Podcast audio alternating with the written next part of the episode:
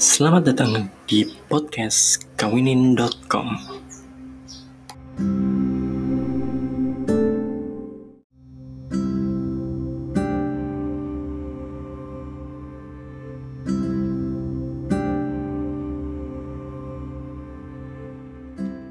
Assalamualaikum warahmatullahi wabarakatuh. Hari ini adalah hari ke-11 sharing sehari 5 menit Eh, dan hari ini saya mau ngebahas tentang eh, tiga hal penting yang harus ditinggalkan sebelum menikah. Tiga sifat penting tepatnya tiga sifat penting yang harus ditinggalkan sebelum menikah. Nah, kenapa eh, hal ini yang dibahas?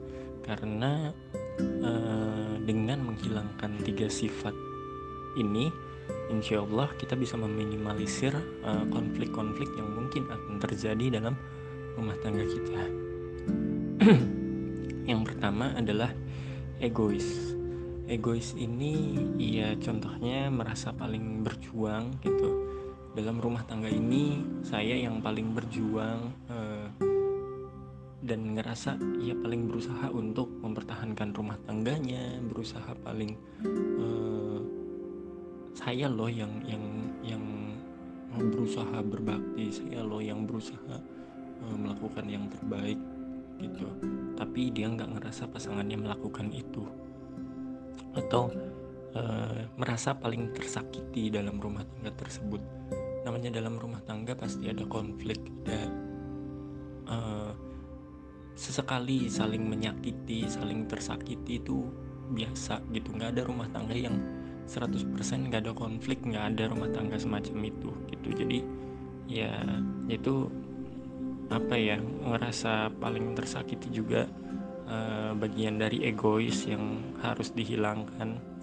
Terus menuntut menuntut hak nih tapi tidak memperhatikan kewajibannya. Kan uh, kewajiban kita adalah hak pasangan kita ya kan?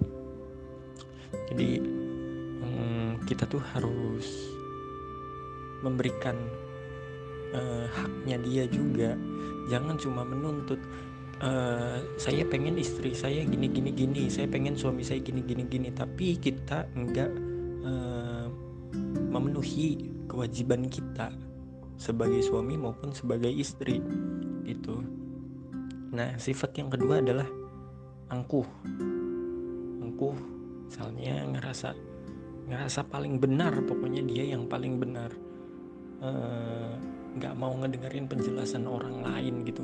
Nggak mau ngedengerin penjelasan pasangannya. Kalau ada kesalahan uh, sama pasangan kita atau ada miskomunikasi yang mungkin uh, bukan kesalahan keduanya antara suami atau istri uh, tapi yang satu karena ngerasa paling benar sendiri dan nggak mau dengerin penjelasan orang lain itu bisa berkepanjangan konfliknya bisa semakin besar gitu.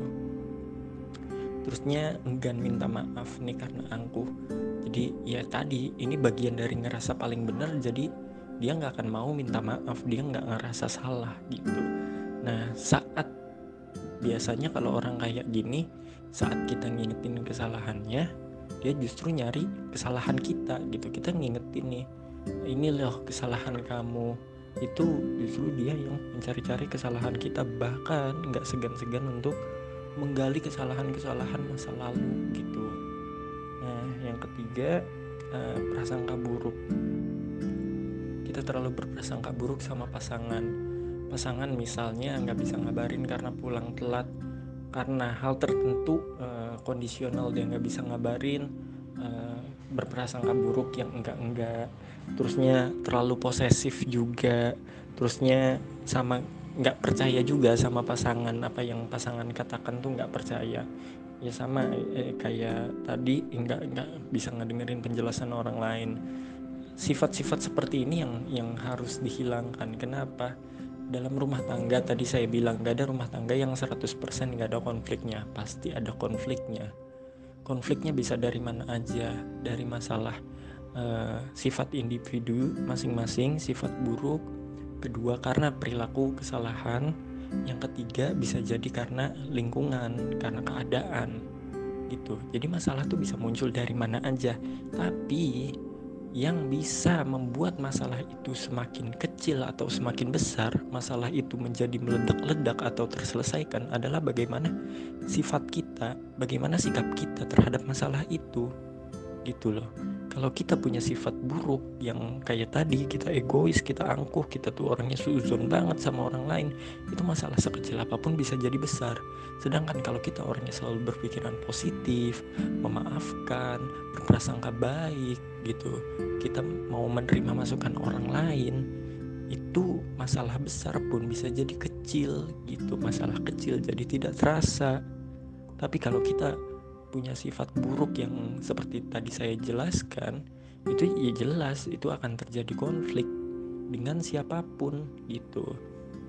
Kita ada problem nih antara pasangan salah paham lah intinya. Karena salah paham itu eh, ke satu si perempuan ngerasa tersakiti banget. Taruhlah ada ada kesalahpahaman yang bukan kesalahan dua-duanya bukan kesalahan suami maupun istri. Si istri misalnya karena dia ngerasa apa karena dia punya sifat egois dia ngerasa paling berjuang. Dia ngerasa pak tersakiti. Suaminya pengen ngejelasin nggak dikasih uh, penjelasan nggak boleh ngejelasin gitu. Si istri ngerasa dia yang paling benar. Suaminya mengada-ngada suaminya bohong suaminya salah suuzon terus sama suaminya. Nah itu bisa jadi masalah yang besar gitu Nah, kenapa saya ngasih contoh ini istrinya yang seperti itu? Saya nggak bermaksud bermaksud mendiskreditkan si perempuan eh, wanita-wanita, tapi pada umumnya perempuan itu kan emosional banget. Nah, laki-laki itu kan logis banget. Nah, laki-laki juga banyak yang karena berpikirnya terlalu logis kalau ada hal-hal yang uh, secara kebetulan lah ya gitu. Bisa kita bilang secara kebetulan atau hal yang nggak biasa terjadi terjadi dia juga nggak akan percaya dianggap alasan. Uh, ya sama akan ngerasa paling benar karena menurut logika dia nggak sesuai gitu. Ini sama sama sama-sama punya potensi untuk melakukan kesalahan dan punya sifat seperti ini semua bisa sangat hmm, punya kesempatan untuk uh, punya sifat seperti ini. Tapi sifat-sifat seperti ini tuh yang bisa merusak rumah tangga kita bisa menghancurkan rumah tangga kita bisa membuat rumah tangga kita tuh jadi nggak nyaman dengan kondisi yang ada gitu. Di ada baiknya tadi sifat-sifat yang uh, buruk egois uh, merasa paling berjuang merasa paling tersakiti menuntut hak tapi nggak menuhin kewajiban. Angkuh ngerasa paling bener nggak mau dengar penjelasan orang lain nggak mau minta maaf. E, kalau salah kalau kita tahu kita salah kita mencari kesalahan orang lain gitu.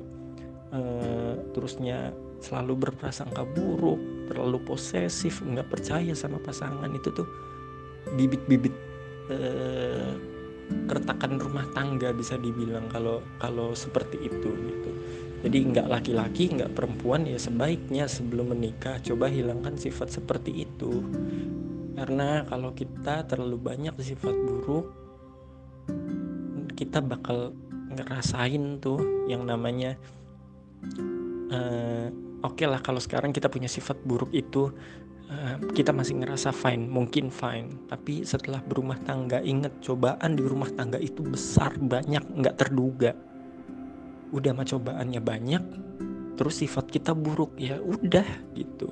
Konflik akan semakin berkepanjangan dan semakin besar gitu. Oke, gitu aja dari saya. Terima kasih. Mohon maaf kalau ada kesalahan. Wabillahi taufiq wal hidayah. Wassalamualaikum warahmatullahi wabarakatuh.